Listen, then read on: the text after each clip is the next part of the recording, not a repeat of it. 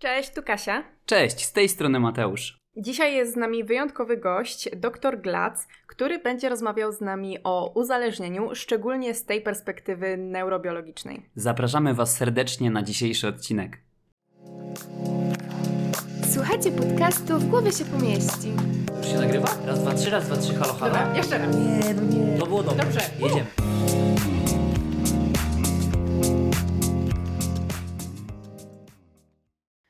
Dziś gościem naszego podcastu jest dr Wojciech Glac, biolog, naukowiec, specjalista z dziedziny neurobiopsychologii, związany z pracownią neurobiologii na Uniwersytecie Gdańskim oraz wykładowca SWPS w Sopocie. Zwycięzca konkursu Popularyzator Nauki 2019 w kategorii Naukowiec, organizowanego przez Ministerstwo Nauki i Szkolnictwa Wyższego. Organizator Dni Mózgu na Uniwersytecie Gdańskim. Dzień dobry, panie doktorze, miło jest nam pana gościć. Dzień dobry, mi również jest miło Was widzieć i słyszeć. Bardzo się cieszymy, że jest Pan dzisiaj z nami. Jeżeli ktoś nie wie, to Pan doktor rozpowszechnia wiedzę nie tylko na uniwersytetach, ale również na YouTubie i innych platformach, gdzie z sukcesem przekazuje informacje o funkcjonowaniu mózgu szerszej grupie odbiorców. Nie będę ukrywał, że jestem podekscytowany dzisiejszym spotkaniem, ponieważ jestem fanem działalności pana doktora i tym bardziej cieszę się, że przyjął pan nasze zaproszenie. Spotkaliśmy się dzisiaj, żeby rozmawiać na poważny temat. Mm, Porozmawiamy o mózgu, nawykach, kreskach i butelkach, e, czyli o uzależnieniu. Ale na początek chcieliśmy zapytać, zadać panu parę pytań odnośnie pana osoby. Dlaczego akurat neurobiopsychologia? Co takiego skłoniło pana do zajęcia się akurat tą dziedziną nauki? W pewnym sensie to chyba wynika z takich pytań, które sobie sam zadaję, czyli dlaczego jestem takim, jaki jestem, dlaczego ludzie zachowują się tak, jak się zachowują, e, z czego to wszystko wynika, czy to ma jakieś podłoże, jakieś podstawy. No i próba odpowiedzenia na pytanie, skąd się bierze dana emocja, w jaki sposób my to odczuwamy, jak regulujemy te emocje, no to w jakimś sensie do, doprowadza człowieka do tego, że mózg staje się e, takim polem zainteresowań e, po to właśnie, żeby lepiej rozumieć siebie i ludzi. Co jest dla Pana najprzyjemniejsze w pracy? Bardziej interesuje Pana praca badawcza, czy może kontakt z ludźmi i popularyzacja nauki? Pierwotnie to była ta praca badawcza, to mnie bardzo interesowało, e, byłem tym zafascynowany, no ale z czasem też trochę przez przypadek jakby odkryłem, e, że ta strona dzielenia się tą wiedzą e, jest nie mniej przyjemna i fascynująca i chyba dla mnie bardziej satysfakcjonująca, dlatego że ta satysfakcja jest bardziej pewna, częstsza, e, czyli e, tak naprawdę e, ta popularyzacja chyba bardziej uzależnia, dlatego że właśnie ta nagroda e, jest taka zmultiplikowana, dlatego że można robić to bardzo intensywnie, natomiast badania naukowe zajmują czasu, bardzo dużo czasu, na nagrodę trzeba bardzo długo czekać, więc dla kogoś, kto ma ADHD, w dodatku jest uzależniony, e, gdzie zawsze ten deficyt nagrody występuje, no to rzeczą naturalną jest to, że e, skłoniłem się ku temu, żeby tą nagrodę dostawać od życia częściej. Przechodząc do części merytorycznej odcinka, chcę pana zapytać, mm, czy każdy z nas może się uzależnić i od czego tak naprawdę zależy, że niektóre osoby uzależniają się szybciej, a inne mają do tego mniejsze predyspozycje? Każdy może się uzależnić, oczywiście, pod warunkiem, że ma sprawny układ nagrody, który jest konieczny do tego, żeby się uzależnić, ale no, ten układ nagrody jest tak ważny, że właściwie możemy powiedzieć, że każdy, bo on jest niezbędny do naszego życia. Natomiast to, od czego to zależy, jak szybko ktoś się uzależni, to zależy od tego, w jaki sposób ten układ nagrody funkcjonuje, ale nie tylko on, oczywiście, dlatego że e, tak jak wszystkie układy w naszym mózgu jest powiązany z innymi, więc taka sieć wzajemnych regulacji, która występuje między różnymi układami, e, jest tym czymś, co jeżeli działa w sposób określony, to znaczy e, ktoś na przykład reaguje bardzo silnie e, w sytuacji, kiedy spotyka go coś przyjemnego, reaguje bardzo silnym wzrostem aktywności tego układu nagrody, to jest to coś takiego, co może skłaniać do przypuszczenia, że ta osoba będzie bardziej podatna na rozwój uzależnienia. A zależy to też od wielu różnych innych czynników dodatkowych, e, czyli od tego, jak często jest powtarzana ta czynność, która ewentualnie ma stać się czymś, od czego ktoś jest uzależniony, w jakim stanie takim emocjonalnym ten ktoś wykonuje tę czynność, jaki jest cel wykonywania tej czynności. Czy to jest taka rozrywka, czy to jest coś, co ma dać komuś wytchnienie w jakimś stresie na przykład. Więc tak naprawdę jest bardzo dużo różnych składowych, dlatego trudno jest określić, czy w danej sytuacji dana osoba się szybko czy wolno uzależni. Trzeba poznać bardzo dokładnie budowę jej, jej mózgu, ale także właśnie wziąć pod uwagę te wszystkie czynniki, które, które również wpływają na to, jak ten umysł, jak ten mózg e, szybko dojdzie do tego stanu, który nazywamy uzależnieniem. Natomiast jakby to, co też wiemy, to to, że jeżeli mamy osobę, która ma jakby w sposób taki stały obniżoną aktywność układu nagrody, to wówczas jakby jej mózg, będąc w stanie, który jakby wciąż poszukuje tych nagród, ponieważ jakby musi dać sobie więcej przyjemności, żeby osiągnąć ten stan równowagi, że takie osoby również są bardziej narażone na uzależnienie, czyli takie osoby, które można powiedzieć tak w większym, największym skrócie, osoby, które doświadczają zbyt wielu nagród w życiu. E, czyli jakby osoby, które mają takie no, dobre życie, tak to nazwijmy, e, które, w których jest dużo różnych przyjemności, e, które były dość często nagradzane, takie osoby stają się kimś, kto jest bardziej podatny, dlatego że ich mózgi, bardziej potrzebując kolejnych nagród, ze względu na to, że ten układ nagrody właśnie obniża swoje loty, dlatego że dostał zbyt dużo nagród, one bardziej potrzebując tych nagród, są bardziej narażone na to, żeby w czymś, co jest potencjalną nagrodą, dostrzec tą nagrodę. Czyli jakby ich mózgi dostrzegają w tym czymś większą nagrodę, a tym samym przeceniają tą wartość, potencjalną wartość nagradzającą tego czegoś. I teraz jakby w kontekście czegoś, co może być uzależniające, jeżeli powiedzmy ja jestem osobą, która, którą życie bardzo rozpieszcza, tak? Ja dostaję często powiedzmy nagrody, często mam e, coś, co sprawia mi przyjemność i ten mój układ nagrody zbyt często będąc pobudzonym jest w takim stanie jakby takiego ciągłego obniżenia aktywności. Można wyobrazić sobie, że on jest ciągle przemęczony, czy jakby nie jest w stanie osiągnąć ten stan tego normalnego funkcjonowania, to ja wówczas odczuwam to jako coś, co jest takim ciągłym deficytem tej nagrody, czyli jakby ciągle mi czegoś brakuje do osiągnięcia stanu przyjemności. I wówczas, kiedy na przykład ktoś mi mu powie, chodź stary, może wypijemy browarka, to teraz u mnie w głowie ten słowo browarek jest czymś, co można powiedzieć, że jest bardziej nagradzające relatywnie do kogoś, kogo życie nie rozpieszcza, kogo układ nagrody jest w normalnym stanie i dla niego, jego mózgu, to słowo browar jawi się jako mniej nagradzające niż dla mojego mózgu, chociaż obiektywnie to jest jeden i ten sam browar, który jest jakimś tam źródłem nagrody. Czyli jakby to, jak mózg widzi coś, co jest nagradzające, ma znaczenie dla jego podatności na to, żeby się na to zdecydować. I osoby, które mają obniżony układ nagrody, Między innymi dlatego, że właśnie zbyt często dostają nagrodę, są osobami, które bardziej są narażone na rozwój uzależnienia. To działa mniej więcej tak samo jak ktoś, kto miałby stale obniżony nastrój z powodu tego, że życie z kolei jest dla niego bardzo surowe i on bardzo często cierpi z powodu chronicznego stresu. Czyli jakby paradoksalnie, jakkolwiek dziwnie to brzmi, e, jak ktoś jest ciągle nagradzany, to jego układ nagrody jest w stanie dokładnie takim samym, jak u kogoś, kogo życie mocno nie rozpieszcza i stres powoduje właśnie zmniejszenie aktywności tego układu nagrody. Czyli mówimy o pewnych skrajnościach. Z jednej strony mówimy o osobie, która cały czas doświadcza nagród i powiedzmy jest rozpieszczana przez życie, a z drugiej strony o osobie w, w stanie ciągłych niepowodzeń i takiego przewlekłego smutku. Dokładnie tak. Ale jak to jest, że zbyt duże rozpieszczenie może predysponować do wyższego ryzyka uzależnienia? Taki, e, taki behawior, który czasem nazywamy takim behawiorem poszukiwania sensacji, czyli jakby właśnie taka ogromna wrażliwość na coś, co może być potencjalną nagrodą, e, sprawia, że człowiekowi takie zwyczajne rzeczy mogą nie wystarczyć i on czuje, że jest pewien niedosyt właśnie tej przyjemności. No i teraz jak powiem na swoim własnym przykładzie, jak ja właśnie idę na, gdzieś tam na spacer do lasu, E, czyli coś, co jest dla mnie generalnie źródłem dużej przyjemności, to ja bardzo często lubię, muszę zabrać sobie kawę do termosu. I teraz, jak popatrzę sobie na to obiektywnie, po jaką cholerę mi jest ta kawa w tym lesie, którą przed chwilą piłem i mogę wypić ją za godzinę. Ja nie potrzebuję, żeby czuć się pobudzonym. Ja po prostu potrzebuję ją jako dodatkowe źródło nagrody, które podwyższa mi satysfakcję z tego, co aktualnie robię. Czyli na przykład dla jednych ludzi samo spotkanie się z przyjaciółmi może być wystarczająco nagradzające, a inni będą potrzebowali do tego jeszcze, żeby wypić sobie piwko, żeby było naprawdę fajnie. A czy mógłby Pan podsumować, jakie cechy ma mózg osoby, która może łatwo wejść w uzależnienia?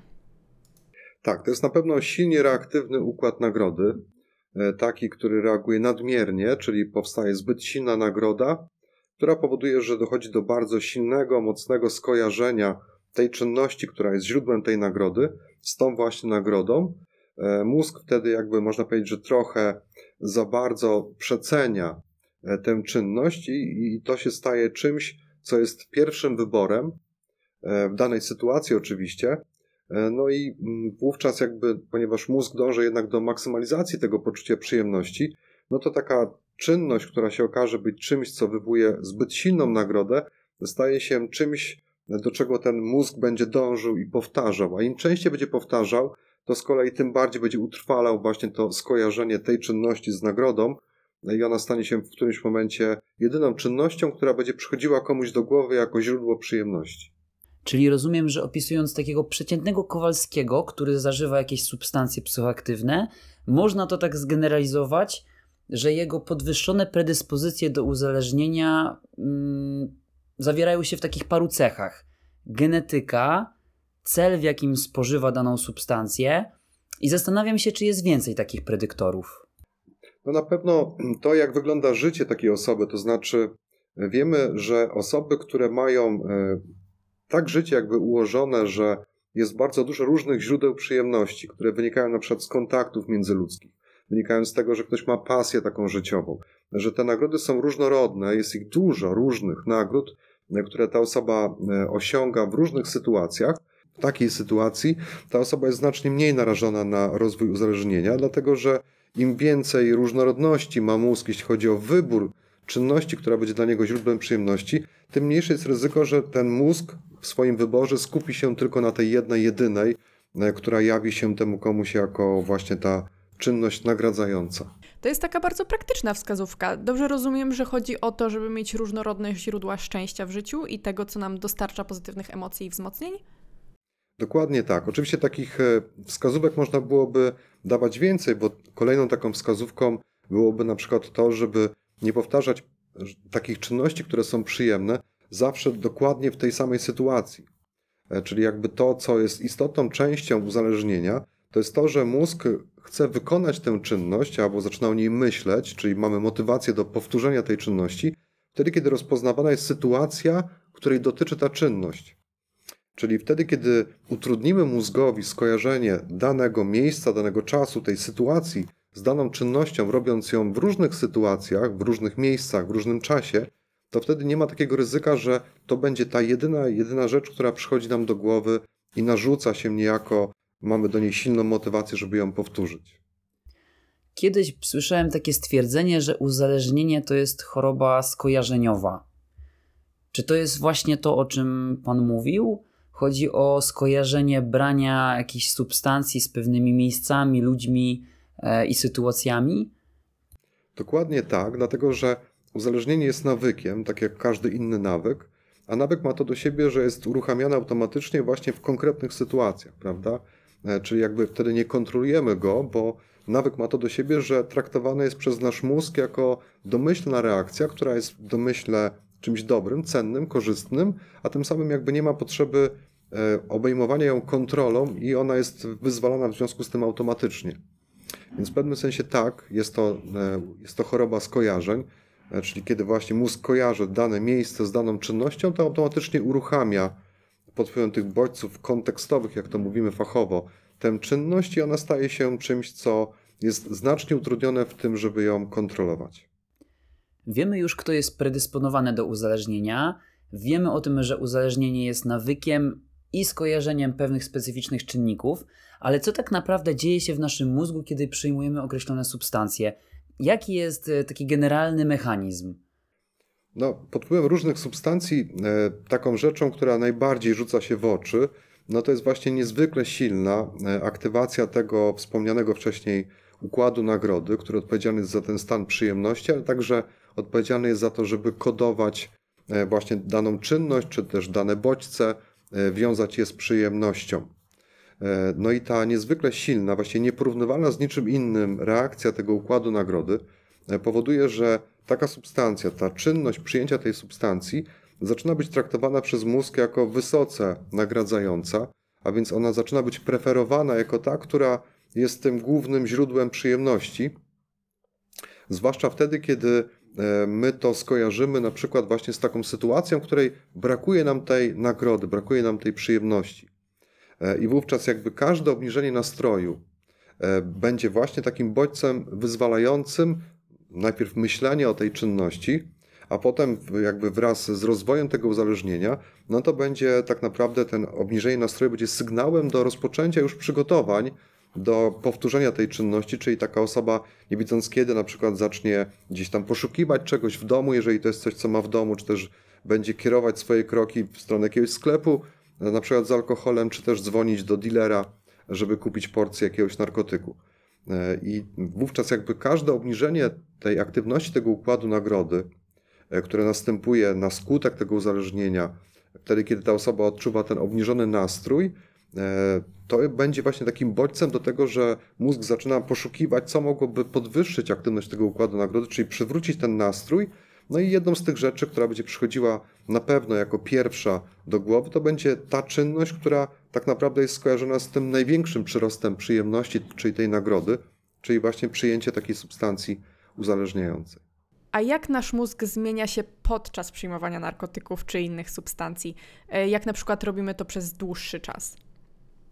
No, następuje zjawisko, które nazywamy tolerancją, e, czyli jakby te powtarzalne bodźce wywołują coraz słabszą reakcję tego układu nagrody, czyli jakby poziom tej przyjemności się zmniejsza. E, Im bardziej intensywnie taka osoba powtarza tę czynność, no to wtedy jakby to zjawisko tolerancji jest coraz silniejsze, czyli bardzo szybko następuje E, taka sytuacja, w której to coś, co ten ktoś robił w takiej dawce, w takim natężeniu, z taką częstotliwością, przestaje działać tak, jakby ktoś chciał, czyli nie dostarcza on sobie takiej przyjemności, e, co skutkuje tym, że następuje właśnie zwiększenie intensywności. Czy to częściej ktoś to robi, lub też właśnie zwiększa dawkę, ile to jest możliwe. No i to prowadzi właśnie do jeszcze większego nasilenia tego zjawiska tolerancji, e, które skutkuje tym, że ten układ nagrody zostaje rozregulowany, e, zaczyna działać coraz słabiej, jego aktywność słabnie w tych okresach pomiędzy wykonywaniem tych czynności, co właśnie powoduje obniżenie tego nastroju, a, tym, a jednocześnie właśnie wyzwala ten stan poszukiwania tej nagrody wtedy, kiedy ten aktywny, mało aktywny układ nagrody daje sygnał o konieczności jakby przywrócenia tego właściwego poziomu nastroju. Czyli tak podsumuję, czy dobrze rozumiem, że przykładowo mamy jakiś gorszy okres w życiu i nasz mózg sobie myśli, aha, pamiętam, że jak byłam na imprezie, to się lepiej poczułam i zaczynam szukać tej imprezy, tego alkoholu. I wtedy następuje poprawa nastroju, dostarczam sobie pozytywnych bodźców, ale jak impreza się skończy i alkohol zejdzie, to znów jest taki spadek nastroju i cykl rozpoczyna się od początku? Tak, dokładnie tak, tylko z takim jakby zastrzeżeniem, które wydaje mi się niezwykle ważne, że to poszukiwanie jest czymś, co nie jest, e, jakby nie odbywa się na poziomie świadomym. E, czyli jakby problem z uzależnieniem polega na tym, że to jest coś, co przychodzi z automatu jakby do, do głowy temu komuś i bywa często właśnie tak w sposób bierny akceptowany jako pomysł, który jest strzałem w dziesiątkę, czyli my jakby nie weryfikujemy tego racjonalnie, świadomie, tylko nasz mózg z automatu jakby wybiera tę czynność, która jest skojarzona właśnie z tym spadkiem nastroju, jako czynność, która ma podwyższyć nam ten nastrój, czyli sprawić, żeby, żebyśmy znowu czuli się dobrze. Czyli ten automat jakby w pewnym sensie trochę kłóci się z tą taką racjonalnością, bo ta racjonalność ulega temu automatowi. No właśnie im więcej powtórzeń tej czynności, tym my tracimy coraz bardziej czujność nad wykonywaniem tej czynności. Ona staje się automatem właśnie, który nie jest weryfikowany, bo nasz mózg jakby w pewnym sensie ta racjonalność, świadomość, można powiedzieć, że my ufamy tej swojej intuicji, czyli jakby ufamy temu automatowi e, i im częściej wykonujemy w danej sytuacji daną czynność, tym ta nasza kontrola, ta poznawcza, racjonalna jest coraz bardziej osłabiona, bo mózg wychodzi z założenia, że jeżeli coś powtórzyliśmy tyle razy i za każdym razem to dawało pożądany efekt, to po jaką cholerę mamy nad tym myśleć, czy warto, czy nie warto. Więc jakby to idzie z automatu i to jest ten kłopot, że e, właściwie ciężko się zorientować, w którym momencie człowiek już rozpoczął tę czynność, a jak ją rozpoczniemy, to niestety ta nagroda się do nas przybliża i wtedy w tym momencie, kiedy nasz mózg już dostrzega nadchodzącą nagrodę, bardzo trudno jest zrezygnować z otrzymania tej nagrody. Więc jakby ten moment, w którym my rozpoczynamy pewne działania, czyli jakby przyjmujemy tą, to, co nam podpowiada intuicja za, za ten nasz cel, to jest ten moment, który bardzo łatwo przegapić wtedy, kiedy to się rozwija, to uzależnienie, bo właśnie kiedy już się ogarniemy świadomie, że ok, właśnie zaczynam przygotowania do tego, żeby sobie łyknąć alkohol, czy zapalić papierosa, czy wziąć jakąkolwiek inną substancję, no to wtedy już jakby jest za późno, dlatego że nasz mózg zdążył jakby zobaczyć tą nagrodę, poczuć ją trochę, już ją prawie chwycił, no i w tym momencie, prawda, no 10 metrów przed metą trudno powiedzieć, że właściwie to czemu miałbym osiągać ten stan mety i kończyć ten wyścig, skoro mogę przecież zejść. No jest bardzo trudno. W tym momencie, kiedy już zaczęliśmy ten bieg i naszemu mózgowi e, z wielkim trudem przyjdzie porzucić to, co już zdążył zrobić, kiedy widzi tą metę. Rozumiem, że potencjał uzależnienia, czyli ta ilość razy, po których nasz mózg silnie kojarzy nagrodę z substancją, dla różnych specyfików jest różna, tak? E, czy mógłby Pan powiedzieć, które substancje są najbardziej niebezpieczne, mm, które uzależniają najszybciej? No, można to mierzyć jakby tak obiektywnie, czyli jakby e, mierząc to, jak dużo tej dopaminy w mózgu się wydziela. No i badania na zwierzętach, które prowadzimy, które e, dość dobrze pozwalają nam, to, nam na to, żeby ocenić jakby poziom tej wydzielanej, ilość tej wydzielanej dopaminy w tym układzie nagrody, no to te badania wskazują, że takie substancje, które rzeczywiście bardzo dużo, to, jest, to są wzrosty wydzielania rzędu 100-200% ponad tą normę, no to są takie substancje jak stymulanty, takie jak amfetamina czy kokaina, E, czy opioidy na przykład, takie jak morfina, heroina. To są takie substancje, które rzeczywiście powodują tą stymulację naprawdę ogromną, e, więc też ten poziom przyjemności jest e, ekstremalnie duży. No i to są substancje, które można powiedzieć, że obiektywnie są takimi, które są najbardziej uzależniające ze względu na to, że wywołują właśnie ten bardzo silny wzrost wydzielania tej dopaminy. Ale to, co ja muszę teraz powiedzieć, co wydaje mi się niezwykle ważne, to to, że E, tak naprawdę e, to, jak, e, w jakim jestem stanie, jak ja bardzo potrzebuję nagrody, jest też czymś, co mocno determinuje, jak mój mózg będzie postrzegał jakąś substancję. No i teraz można powiedzieć, że ktoś, kto jest w dobrym nastroju, ale chce go sobie poprawić, czyli na przykład przyjmuje w związku z tym jakąś kokainę, załóżmy, że kogoś stać na to, bo to droga rzecz, jak wiecie, zapewne. No więc to jest coś, co podniesie mu ten nastrój oczywiście do maksa, ale on startował z innego poziomu. Czyli to jest dla niego oczywiście zysk w postaci tego, tej poprawy nastroju, tej euforii, ale ten zysk może być czasem większy wtedy, kiedy na przykład ktoś będąc w kompletnym dole, czyli mając jakby właściwie prawie że wygaszony ten układ nagrody, e, przyjmuje coś, co nie musi być obiektywnie tak silnie nagradzające, ale to coś wyciąga go z tego doła, to ten mózg, jego mózg, może traktować tę substancję na równi z tym, co inny mózg będzie myślał o na przykład takiej właśnie kokainie, która obiektywnie daje najwyższy poziom wzrostu wydzielania tej dopaminy. Czyli jakby nie dla różnych ludzi będących w różnej sytuacji, różne substancje, niekoniecznie te z tej, nazwijmy to, górnej półki, muszą być, mogą być tymi, które będą naprawdę, naprawdę silnie uzależniające.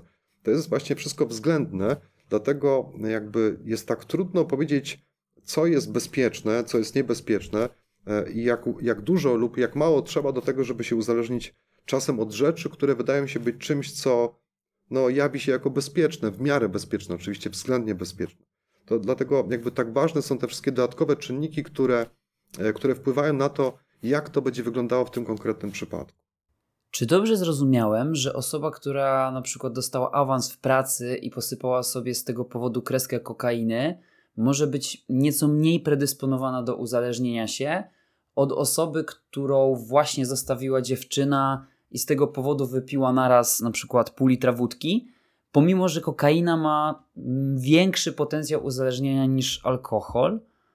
Czy ja to dobrze zrozumiałem? Tak może być, e, tylko że jakby kluczem jest powtarzalność tych sytuacji też, jakby kolejnym czynnikiem, prawda? Czyli powiedzmy, jeżeli to jest jednorazowy dół, bo ktoś następnego dnia stwierdzi, że dobrze się stało, bo to nie była dla mnie najlepsza osoba, no to oczywiście e, ta osoba nie jest jakby z automatu narażona. Natomiast jeżeli rzeczywiście sytuacja ma charakter ciągły, czyli ta osoba długo cierpi z powodu tej utraty tego, tej więzi z tą osobą e, i każdego dnia zalewa się alkoholem, żeby jakoś móc funkcjonować, no to wtedy ona bardzo szybko się uzależni od tego alkoholu. Tak samo jeżeli mamy człowieka, który odnosi ekstremalne sukcesy w pracy i za każdym razem wciąga sobie krechę koki, prawda, czy jakikolwiek inny sposób ją przyjmuje, to on tak samo może e, przestać móc czuć szczęście z samego sukcesu w pracy, bo będzie potrzebował tej kokainy, żeby odtworzyć ten stan tej euforii, tego szczęścia, prawda? Więc jakby e, to, to, ma, to o czym mówiliśmy wcześniej, czyli jakby te skojarzenia, czyli te sytuacje, ten kontekst mają ogromne znaczenie i tak naprawdę powtarzalność tego kontekstu jest czymś, co będzie wyzwalało tą ochotę na powtarzanie również tej czynności, która z tym kontekstem jest związana. Dlatego jakby tak jednorazowo to tak nie musi się stać, ani w jednym, ani w drugim przypadku. Natomiast jeżeli charakter będzie miał ciągły, ta sytuacja będzie miała ciągły charakter, no to wtedy oczywiście jest e, podobne ryzyko uzależnienia w jednym i w drugim przypadku. Skoro właśnie mówimy o takiej ciągłości, to wiele osób ma przekonanie, że te miękkie narkotyki, które są brane raz na jakiś czas, nie szkodzą nam albo nie wywołują żadnych niepożądanych efektów. Czy faktycznie tak jest? Tak może być, oczywiście. E, rzeczywiście niektóre substancje, e, po pierwsze, jakby tak z takiego czysto neurobiologicznego punktu widzenia, nie mają takiego bezpośredniego wpływu na ten nasz układ nagrody. E, wszystkie te, które znamy, które, o których wiemy, że mają potencjał uzależniający, gdzieś tam finalnie dochodzi do wzrostu wydzielania tej dopaminy, ale raz, że tej dopaminy nie zawsze jest dużo, dwa, że ten mechanizm jest taki właśnie bardziej pośredni, e, co trochę, że tak powiem, utrudnia niektórym substancjom, żeby e, nas od siebie uzależnić. Więc tak rzeczywiście jest. Dodatkowo, jeżeli to robimy bardzo rzadko, no to wtedy jakby nasz mózg ma większy kłopot z tym, żeby złapać ten kontekst, prawda? Złapać ten, ten, tą powtarzalność tej sytuacji zdążą też jakby zniknąć te efekty, które zostały wywołane pod wpływem tej substancji, czyli jakby te zmiany receptorowe, czyli wzrost, pewnych liczb, wzrost liczby pewnych receptorów, czy też spadek e, innej, innych receptorów, ich liczby, e, te wszystkie zmiany zdążą wrócić do normy, a tym samym jakby ryzyko, że będą się nakładały kolejne zmiany pod wpływem tej substancji w mózgu, będą znacznie mniejsze. Natomiast jakby e, tak czy siak, jakby skojarzenie pewnych sytuacji, nawet jeżeli one są rzadkie, z jakąś substancją, będą tak czy siak powodowały, że kiedy będzie nadchodziła ta sytuacja, czy na przykład jakaś tam impreza, na której lubimy sobie coś tam wziąć, żeby było fajniej, to kiedy będzie pojawiała się opcja, że znowuż ta impreza się powtórzy, chcąc nie chcąc, tak czy siak nam przyjdzie do głowy, że no to zróbmy jeszcze to, co było wtedy fajne, czyli weźmy tą substancję. E, I jakby tutaj tak naprawdę bo my myślimy sobie o uzależnieniu jako o kimś, uzależnionej osobie jako o kimś, kto codziennie chleje, tak, prawda, czy regularnie wciąga tam jakąś właśnie amfę na przykład, e, czy też regularnie pali papierosy. Natomiast nie myślimy o uzależnieniu jako o czymś, co możemy powiedzieć, że pewne rzeczy stają się nierozłącznie związane z innymi rzeczami. Czyli jakby osoba uzależniona, oczywiście nie w takim samym stopniu jak ten, który chleje codziennie, będzie, będzie to osoba, która e, z rzadka, bo rzadka, ale kiedy idzie na imprezę, to musi na tej imprezie wziąć to albo tamto. Dla niej jakby odpowiedzią na pytanie, czy ona ma z tym problem, byłoby sprawdzenie, czy ona może zrobić tą imprezę bez tego wspomagacza. Jeżeli rzeczywiście dla niej to nie jest problemem, ona nie cierpi z tego powodu, nie ma poczucia straty, no to wtedy ona może z całą mocą powiedzieć, że ok, to jest dla mnie rzeczywiście coś, co jest opcją, ale nie coś, co jest e, jakby czymś, co muszę zrobić, prawda? Natomiast w momencie, kiedy ktoś czuje się źle, w momencie, kiedy rezygnuje, e, tęskni za tym i mówi sobie, że następnym razem już na pewno nie zrobię tego błędu, że nie zaopatrzę się w to albo tamto, no to jest to jakaś forma zależności. E, nie taka jak, tak jak zwykliśmy myśleć o osobie uzależnionej, ale jest to jakaś forma zależności, bo uzależnienie to nie tylko jest to cierpienie, które towarzyszy nam wtedy, kiedy mamy zespół odstawienny i nie możemy się pozbierać, i o niczym innym nie myślimy, tylko o tym, żeby wziąć kolejną porcję tej substancji. Ale pewną formą zależności jest też to, że właśnie niektóre rzeczy muszą być uzupełnione o inne rzeczy, żeby one dopiero razem były czymś, co traktujemy jako fajne. E, więc jakby to jest coś, co jest takie bardzo płynne i ten, to coś, co nazywamy uzależnieniem, można bardzo różnie rozumieć, e, jeśli chodzi o to, jakby co się dzieje w tym naszym mózgu e, ale oczywiście, żeby to było też jasne, ja nie porównuję tej jakby tej ciężkości tej sytuacji takiej osoby, która musi codziennie coś robić, żeby żyć e, i nie porównuję, że to jest tak samo złe wtedy, kiedy ktoś raz na jakiś czas nie wyobraża sobie, żeby nie połączyć dwóch rzeczy w jedno. Powiedział Pan o ważnym symptomie, który może nas pchać w takim myśleniu, że ktoś może mieć problem z jakąś substancją. Zastanawiam się, czy jest ich więcej. Kiedy powinniśmy zacząć martwić się o naszego znajomego, który sporadycznie zarzuca pigułę i popija to wódką na imprezie? Kiedy jest ten moment, kiedy powinniśmy pomyśleć, że dzieje się coś poważnie niedobrego? Wtedy, kiedy ta osoba będzie zwiększała dawkę, na przykład, kiedy jedna piguła już może nie wystarczyć, tylko ona chce wziąć drugą. E, takim sygnałem alarmowym może być również to, że ta osoba zacznie inicjować e, te, te sytuacje, w których może powtórzyć tą, e, przyjęcie tej substancji, czyli tak jak na przykład do, do pewnego momentu ona była raczej zapraszana i ktoś inny był inicjatorem, albo to były różne osoby, a w którymś momencie ta osoba zaczyna nagabywać innych, że powtórzmy to, powtórzmy, szukając jakby, jak to się mówi, pretekstu właśnie do tego, żeby przyjąć tą substancję, kiedy po prostu dochodzi do tak zwanej eskalacji tej czynności, jakby czy ona staje się coraz częstsza, lub ten ktoś zwiększa dawkę, to są takie obiektywne, można powiedzieć, sygnały świadczące o tym zjawisku tolerancji, e, a to zjawisko tolerancji jest właśnie takim, no chyba najbardziej obiektywnym dowodem na to, że dochodzi do zmian, że rozwijają się zmiany, które, które możemy nazwać uzależnieniem. Właśnie mieliśmy tutaj pytanie od y, Wicki Ani, czy wciąganie koksu 2-3 razy w miesiącu to jest uzależnienie. I trochę już o tym mówiliśmy. Rozumiem, że bardziej musimy patrzeć na to, jak ta osoba się czuje i jak sobie radzi, jak do tego podchodzi i czy to przechodzi w pewien nawyk? Tak. Czy, czy ona o tym myśli, czy ona na to czeka? E, czy to jest tak, że. Bo czasem tak bywa, że e, osoba może jest w stanie długo się powstrzymywać przed powtórzeniem tej czynności, od której jest uzależniona, ale ona tak naprawdę cały czas gdzieś tam świadomie albo czasem świadomie, ale jednak czeka na ten moment. E, I zwłaszcza osoby, które są na takim wczesnym etapie uzależnienia, są w stanie odraczać tą nagrodę, ale jednocześnie nie, nie wyobrażają sobie sytuacji, w której miałyby całkowicie z niej zrezygnować. Jeżeli ta osoba, ponieważ powiedzmy jest dość racjonalną osobą, zdającą sobie sprawę z zagrożenia, dość dobrze kontroluje swoje zachowania, jest w stanie jakby właśnie kontrolować tą częstotliwość, tą e, przyjmowania tej substancji, ale jednocześnie właśnie gdzieś tam ma w głowie to, że to musi nastąpić, tak, no to jakby to jest pewien sygnał, który może świadczyć o tym, że ona jednak ma problem. Oczywiście e, jest jakby tych e, cech uzależnienia jest na tyle dużo, że ta jedna rzecz jakby niekoniecznie musi oznaczać, że ta osoba wymaga już, nie wiem, leczenia takiego specjalistycznego, prawda, jakiejś terapii poważnej. E, dlatego że jakby to coś musi stać się naprawdę źródłem problemów takich naszych życiowych, żeby było czymś, co my tak definiujemy jako takie uzależnienie, które właśnie jest tak, już taką patologią, chorobą, która wymaga naszych reakcji. E, czyli jakby można powiedzieć, że no nie chcąc oczywiście uspokajać ani jej, tej, e, tej słuchaczki, ani innych osób, które mają taką sytuację, no ale mm, jakby ten, można powiedzieć, że możemy mierzyć to, jak bardzo poważna jest ta sytuacja, że to nie każda sytuacja jest tak samo poważna i nie każda sytuacja wymaga e, tak szybkiej, gwałtownej, zdecydowanej reakcji otoczenia, czy też samych tych osób, które, które odczuwają taki, taki stan. Mówimy tutaj o różnych substancjach, o alkoholu, kokainie, MDMA. Chciałem zapytać o możliwe interakcje, które zachodzą w naszym mózgu podczas mieszania tych substancji.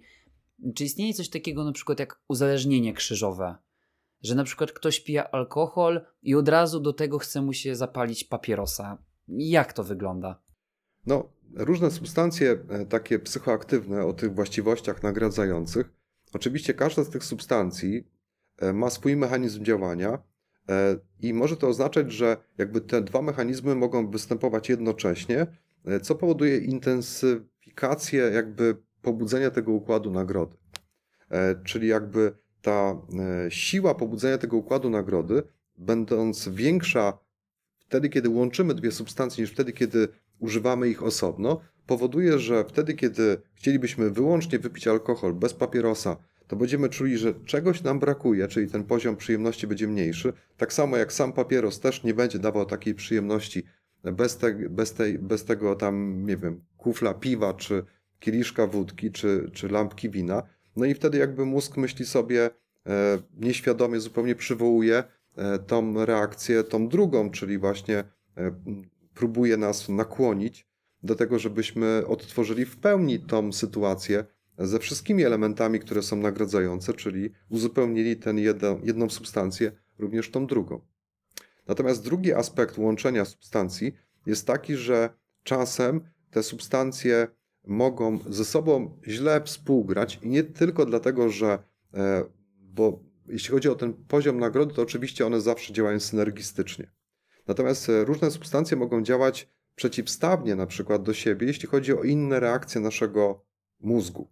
Czyli na przykład jedne mogą bardzo pobudzać, wtedy czujemy taki przypływ myśli, prawda, wzrost energii, a, a z drugiej strony substancje, które tak samo działają nagradzająco, działają na inne procesy naszego mózgu hamująco, czyli na przykład obniżają naszą uwagę, naszą, powiedzmy, ograniczają naszą świadomość, tą percepcję, e, czyli spowalniają nasz mózg. No i wtedy łączenie takich substancji, co prawda z jednej strony daje wyższy poziom nagrody, ale na przykład zaczyna się komuś kłócić ze sobą to, co czuje jako tą wypadkową, wypadkowy stan jego umysłu, bo on chciał być pobudzony, ale on jest zamulony na przykład, albo to pobudzenie nie jest tak duże jak trzeba, więc jakby niektóre substancje działając przeciwstawnie mogą nie dawać tego efektu, który jest pożądany, a tym samym jakby ten efekt końcowy będzie niezadowalający z punktu widzenia tej osoby. Są też takie, które działają na tyle e, podobnie do siebie w każdym aspekcie, że stają się niebezpieczne przez to, bo ta siła pobudzenia mózgu może być zbyt duża, co będzie powodować, co może powodować to, że dochodzi do, dochodzić może do powstania jakichś błędów, e, czyli zaburzeń pewnych procesów i to się może skończyć bardzo tragicznie, e, czyli na przykład właśnie jakąś tam śpiączką, czy nawet śmiercią. Tak samo oczywiście substancje, które działają hamująco, wtedy kiedy będą zdublowane, e, będą zbyt silnie hamowały mózg, co również może doprowadzić do sytuacji, w której dojdzie do jego, no tak powiem kolokwialnie, wyłączenia, tak? Czyli jakby aktywność spadnie zbyt mocno i dojdzie do, do śmierci. Mhm, czyli rozumiem, na przykład jakbyśmy połączyli benzodiazepiny i alkohol, to mogłoby nas to za bardzo zwolnić i doprowadzić do jakiejś tragedii. A zostając na chwilę w tematyce ubudków i zaburzeń, chciałem zapytać, czy są może jakieś wytyczne, kiedy może dojść do takowych zmian w mózgu e, przy przyjmowaniu poszczególnych substancji, na przykład no nie wiem, alkoholu, kokainy, marihuany i MDMA. Jeżeli chodzi o rozwój uzależnienia, jakby, no to jakby ta ilość tych powtórzeń zależy od tych wszystkich czynników, o których cały czas sobie mówimy, więc jakby trudno jednoznacznie powiedzieć kiedy. Nie ma takiego punktu, który byłby, powiedzmy, punktem, e, przed którym jeszcze jest bezpiecznie, a potem już się zaczyna robić groźnie, e, więc to jest bardzo różnie. E, tak samo jeśli chodzi o rozwój, nie wiem, zespołu odstawiennego, on bardzo różnie może narastać. Ta ilość tych objawów, ich intensywność może być bardzo zmienna różnych ludzi, więc jakby trudno tak jednoznacznie określić te ramy czasowe różnych procesów, które mają miejsce, bo zależy to od bardzo wielu różnych czynników, e, więc jakby trzeba być, można powiedzieć, bardzo czujnym, jeśli chodzi o to, co się ze mną dzieje, żeby czuwać nad tym, e, żeby uchwycić ten moment, w którym, w którym dzieją się rzeczy, które już powinny zwracać naszą uwagę. E, czyli nie ma takich wytycznych, że na przykład jak sobie wezmę tylko raz na pół roku, to jest ok. No ja bym tak nie suger, ja bym tak nie ryzykował, żeby w ten sposób do tego podchodzić tak mechanicznie. E, to nas może zgubić, e, bo to niestety jest dość podstępny proces, prawda, który zachodzi bardzo płynnie. To znaczy, my nie jesteśmy w stanie obiektywnie sami po sobie ocenić, czy doszło już do rozwoju zależności. Bo w momencie, kiedy my się zaczniemy orientować, że coś jest na rzeczy, to my już przekroczyliśmy tą granicę, której jakby mogliśmy swobodnie decydować o tym, czy będziemy to robić, czy nie. To raczej ktoś, kto patrzy z boku na nas, czyli jakby może załóżmy, że zachowa obiektywizm, e, jest w stanie mierzyć to właśnie tymi miarami, o których mówiliśmy wcześniej, to jest w stanie to zrobić. Natomiast człowiek jest, e, jest dla siebie bardzo niesprawiedliwy i siebie sam oszukuje, więc będziemy bagatelizować pewne rzeczy, e, nadawać im mniejsze znaczenie, dlatego że będąc zafascynowani tą nagrodą i poszukując tej nagrody, my niestety wszyscy mamy tendencję do tego, że zaniedbujemy ryzyko. Więc jakby to zaniedbywanie ryzyka sprawia, że część naszej racjonalności będzie uśpiona, a tym samym my nie będziemy w stanie obiektywnie ocenić stanu naszego umysłu, mózgu i będziemy właśnie przez to, jesteśmy o krok spóźnieni przed tym, co się dzieje w naszym mózgu, jeśli chodzi o rozwój zależności. Wśród studentów często panuje takie przekonanie, że tej grupy społecznej nie dotyczy uzależnienia od alkoholu. Czy faktycznie studenci są jakąś wyjątkową grupą, jeżeli chodzi o uzależnienia? Znaczy, studentów się rzadko bada, prawda, bo to właśnie tak zniszczony umysł nie nadaje się do tego, żeby, żeby badać, więc jak obiekt badawczy jest beznadziejny. no ale tak zupełnie serio, e, no to e, oczywiście e, to jest właśnie alkohol często studenci piją w takich celach towarzyskich, prawda? E, czyli jakby to skojarzenie tego alkoholu z tą sytuacją zabawy e, jest czymś, co jakby jest względnie bezpieczniejsze w porównaniu, oczywiście w porównaniu z sytuacją, w której ktoś zalewa smutki pijąc samemu do lustra, prawda?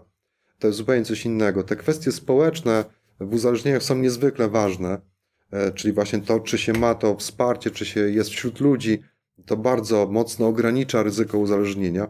Więc jak jakby studenci piją razem w paczce, prawda, po zajęciach e, dla towarzystwa, żeby się rozluźnić, to pewnie jest to bezpieczniejsze niż, niż wtedy, kiedy to jest remedium na zły nastrój, prawda? No bo wszyscy wiemy, że chyba nie ma e, bardziej szczęśliwych czasów niż czasy studenckie, e, więc jakby tego szczęścia jest tak dużo, że ten alkohol niewiele nam zmienia tak naprawdę. E, I mm, co nie oznacza oczywiście, że można chlać na umór, przez 5 lat studiów i, i wyjść z tego bez żadnego ryzyka, no bo zawsze jest pewne ryzyko, które może dotyczyć konkretnych osób, e, e, które sprawi, że oni kończąc studia będą tak bardzo pragnąć, żeby dalej pić, że zaczną robić podyplomówkę, potem zrobią drugi kierunek i tak całe życie im upłynie na studiowaniu, które będzie tak naprawdę pretekstem, żeby chlać. Czyli uzależnienie nie jest zbyt tolerancyjne, bo osoby z gorszym humorem i gorszą higieną psychiczną mają po prostu gorzej. Dokładnie tak. Trzeba być wśród ludzi, mieć przyjaciół e, i wtedy jesteśmy bezpieczni, bo to też reguluje nasz nastrój. Zwłaszcza wtedy właśnie, kiedy pojawiają się e, symptomy odstawienne, no to właśnie obecność innych ludzi, czyli te kwestie właśnie takiej więzi społecznej, mają kluczowe znaczenie, jeśli chodzi o oporność takiej osoby na nawrót. E, bo to, co wiemy chociażby z badań na zwierzętach, które są dość obiektywne, to to, że wtedy, kiedy zwierzę jest w obecności innych zwierząt, czyli jakby w stadzie, to, to ryzyko nawrotu jest zdecydowanie mniejsze. I jakiekolwiek zaburzenia tych funkcji y, społecznych zwierząt, y, które oczywiście też są konsekwencją uzależnienia, ale tak długo jak długo zwierzę jeszcze ma tę naturalną motywację do tego, żeby tworzyć tę więź i ją podtrzymywać, tak długo jakby E, to uzależnienie, które się rozwija, jest tak, można powiedzieć, trzymane trochę w ryzach. Natomiast w momencie, dokładnie w momencie, kiedy następuje ta utrata tej więzi, te zaburzenia społeczne występują, no to wtedy jakby to jest taka równia pochyła, która, która sprawia, że to uzależnienie nabiera znacząco rozpędu, no i staje się czymś, co już kompletnie jest jakby poza kontrolą tego zwierzęcia. Tak samo jest u ludzi. Ale rozumiem, że w tym e, stadzie nikt nie może przyjmować tej substancji.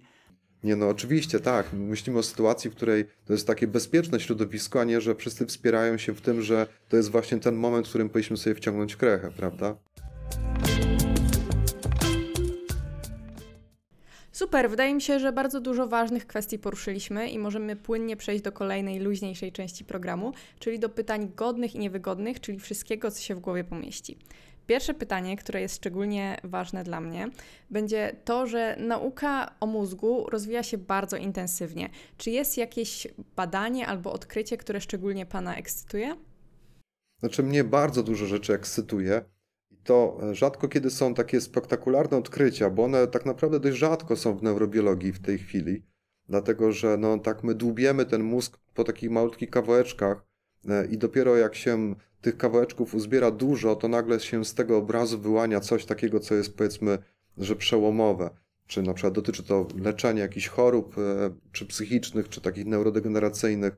To często są takie właśnie małe, drobne rzeczy, które wyciągnięte z tego świata nauki same w sobie wydają się mało spektakularne. Jak się patrzy na taki tytuł, nawet takiej pracy, to myśli sobie człowiek, że, e, że to jest marnowanie pieniędzy podatników. Natomiast właśnie z tych drobnych kawałeczków, jak się zbierze to do kupy razem, to nagle wyłania się obraz, który w całości, a więc ma mnóstwo ojców i mnóstwo matek, e, którzy za tymi badaniami stoją, pojawia się taka sytuacja, w której zaczynamy coś lepiej rozumieć.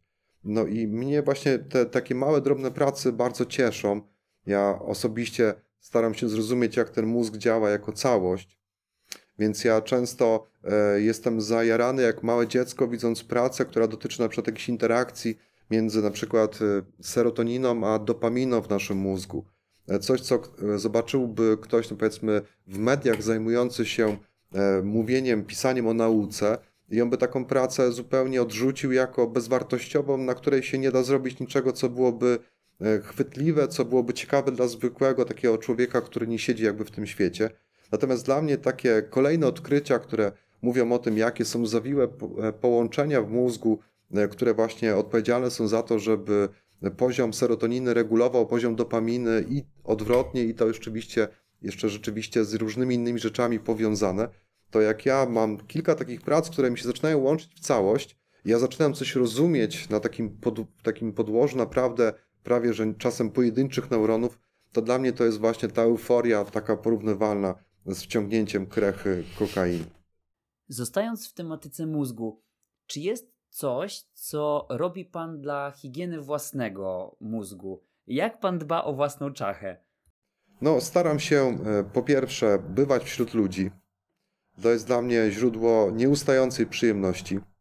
A ponieważ na szczęście mam pracę, która jest pracą z ludźmi, więc mi tego szczęścia nie brakuje. Poza tym staram się mieć dużo ruchu. Nie jestem sportowcem, ale staram się ruszać, e, bo tak naprawdę ten wysiłek fizyczny nie musi być wyczynowy. Chodzi o to, żeby poczuć to zmęczenie. E, Staram się bywać bardzo dużo na łonie przyrody. E, Uwielbiam spacery po lesie, widok zieleni, ta nadchodząca jesień, mimo że piękna, jak jest słoneczna, tak jak dzisiaj, to jednak trochę mnie przygnębia, bo tej zieleni będzie coraz mniej. E, Na szczęście mamy trawy z rolki, więc one są zielone zimą. No i mamy też lasy iglaste, które są zimą zielone. Zawsze można pójść na cmentarz, tam jest dużo bluszczu, który też jest zimą zielony, E, więc trochę jest tej zieleni na szczęście i ta zieleń nas uspokaja, przyroda uspokaja. Ludzie dają poczucie, e, poprawiają nastrój, zmniejszają ryzyko stresu. Ten stres jest łagodniejszy, e, więc robię to, co wiemy, że działa dobrze. Czyli ruch, ludzie i przyroda. To są też bardzo ważne wskazówki dla nas wszystkich. A czy jest coś, czego nauka jeszcze nie wie, a Pan bardzo jest ciekawy i chciałby, żebyśmy to już wiedzieli?